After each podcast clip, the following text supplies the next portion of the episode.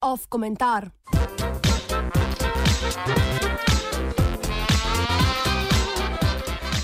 Nezmotljivi razsvetljeni vodja.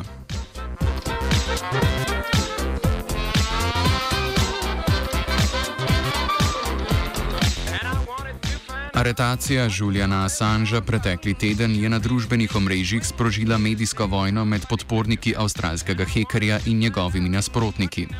Za prve je Assange utelešenje demokracije in svobode, ki se je z novo brado dokončno spremenilo v božička transparentnosti, za druge pa je šovinistična svinja, ki ne morejo odpustiti niti ogrožanja državne varnosti, niti njegovih drugih družbenih ekscesov.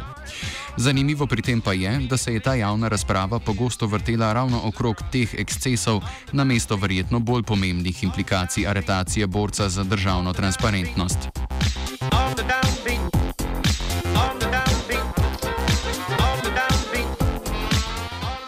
Uporabniki so Assangea obmetavali z vsemi možnimi besednimi fekalijami, povezanimi z njegovim življenjem in odnosom do žensk.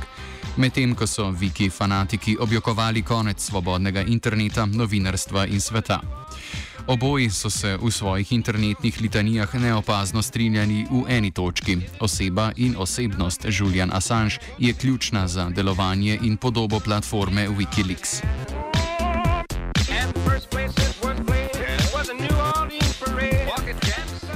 To je za organizacijo, ki je do določenega obsega izumila decentraliziran in kodiran internetni aktivizem, presenetljivo. Težko je verjeti, da je medijsko in komunikacijsko izolirani Assange v zadnjem letu zares vodil Wikileaks, ki je očitno dovolj dobro deloval brez njegovega neposrednega sodelovanja. Hkrati sama aretacija verjetno ne predstavlja tako drastične spremembe za samo platformo in njenega ustanovitelja. Izolacija v ambasadi ni bila veliko boljša od dejanskega zapora, sojenje pa bo priložnost za večjo promocijo gibanja. Zakaj je torej aretacija Assangea prejela toliko pozornosti? Do you really think that swing is here to stay? I'm mighty glad you asked.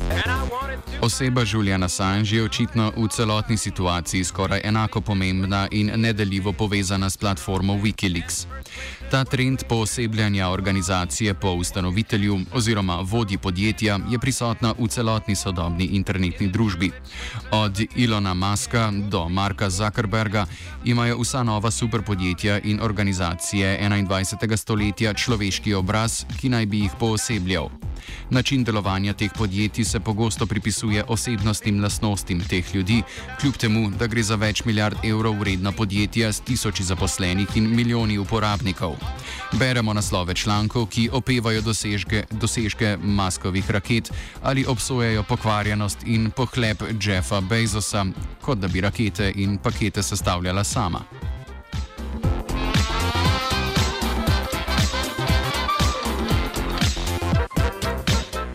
Takšna personifikacija je verjetno že v človeški naravi, kljub temu pa se ob tem poraja očitna nevarnost poenostavljanja in skrivanja dejanskega dogajanja v njih, kar je verjetno najbolje vidno pri delovanju vesoljsko-raziskovalnega podjetja SpaceX, ki ga vodi karizmatično ekscentrični Elon Musk.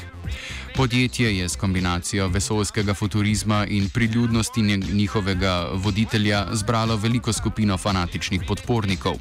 Ob spremljanju njihovega čaščenja se zdi, da je uspeh SpaceX in podjetja za izdelavo električnih avtomobilov in sorodnih tehnologij Tesla, ki ga tudi vodi Musk, predvsem posledica njegovega neizmernega intelekta in ustrajnosti.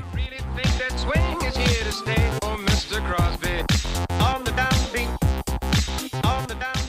V tem pa se izgubi veliko bolj kompleksno ozadje delovanja obeh organizacij, ki ima z velikimi posojili in koncesijami radodarno pomaga tudi državna blagajna. Poleg tega Teslo že od vsega začetka pestijo obtožbe o zlorabi zaposlenih v podjetju in nečloveških razmerah v tovarnah. V odgovor na te obtožbe je Musk takrat začel spati na tleh tovarne na mesto v posteli, da bi bil bliže sodelavcem v tovarni. Po njegovih besedah od svojih delavcev pričakuje veliko, a ti vedo, da tudi sam sebe žene do skrajne meje. Ob tem ni jasno, zakaj lahko podjetje krši delovno zakonodajo, samo zato, ker vodja podjetja ne spi na vzmetnici.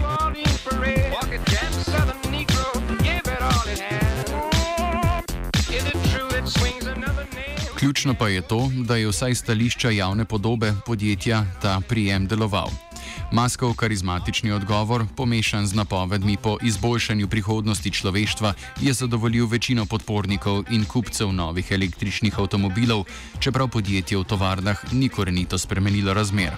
Da je večina delavcev v tovarnah iz revnejših družbenih slojev in etničnih manjšin, medtem ko so kupci teslenih avtomobilov, predvsem bogatejši belopolti moški, še dodatno problematizira lahkoto, s katero se podjetje otrese slabe javne podobe.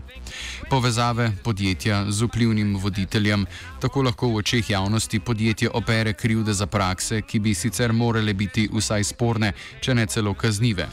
Po drugi strani pa lahko napake pri komuniciranju z javnostjo podjetjem povzročijo več škode kot poslovne odločitve. Ko je Musk na Twitterju zagovarjal domnevnega pedofila, so delnice podjetja SpaceX doživele enega hujših padcev in to kljub razmeroma uspešnim preizkusom raket v tistem obdobju.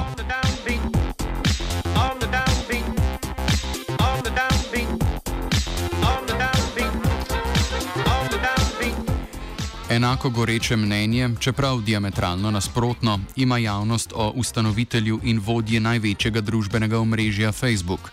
Mark Zuckerberg je v nekaj televizijskih nastopih na zagovorniški klopi preiskovalne komisije ameriškega kongresa zasidral svojo podobo hladnega, brezčutnega, kapitalističnega robota. Hkrati je postal grešni kozov za vse gospodarske in politične pregrehe svojega družbenega omrežja in nepravilnosti pri upravljanju osebnih podatkov svojih uporabnikov. Kljub temu, da o Zuckerbergovi upletenosti absolutno ni dvoma, je vseeno naivno za vse omenjeno skoraj da koruptivno dogajanje kriviti zgolj eno osebo.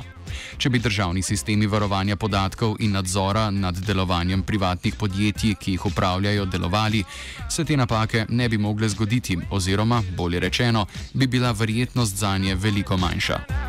What the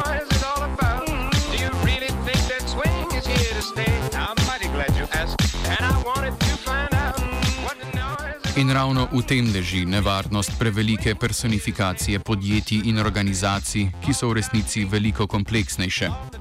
Čeprav vpliva ljudi, kot so Musk, Bezos, Zuckerberg, Assange, Kim.com in podobni, ne moremo zanikati, s prevelikim poudarjanjem njihove vloge izgubimo potrebno perspektivo.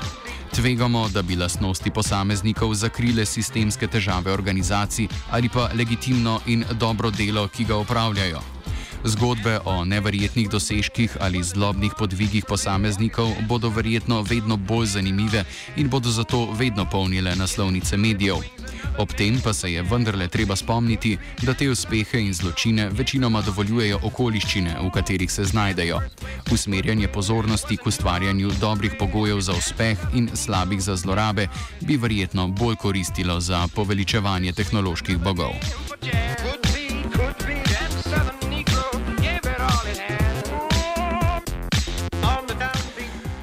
Ti bogovi, poleg izboljšanja javne podobe, služijo še enemu ključnemu elementu sodobne liberalne tržne družbe - ideji o delovnem in sposobnem posamezniku, ki lahko z lastnim trudom uspe in obogati.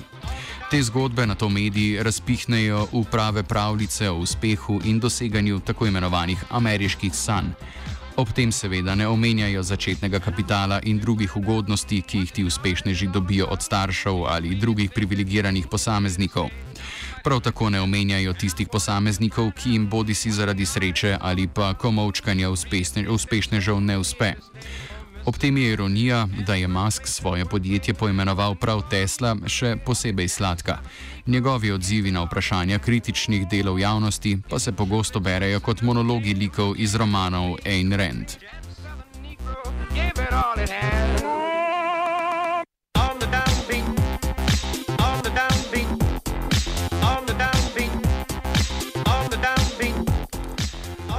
O mitu posameznika nas ne prepričujejo zgolj daljni uspešneži iz Amerike, ampak tudi naši domači superposamezniki.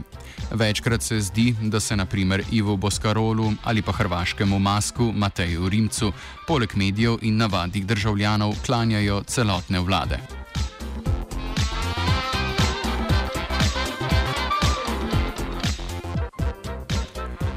Komentiral je posameznik Koruza.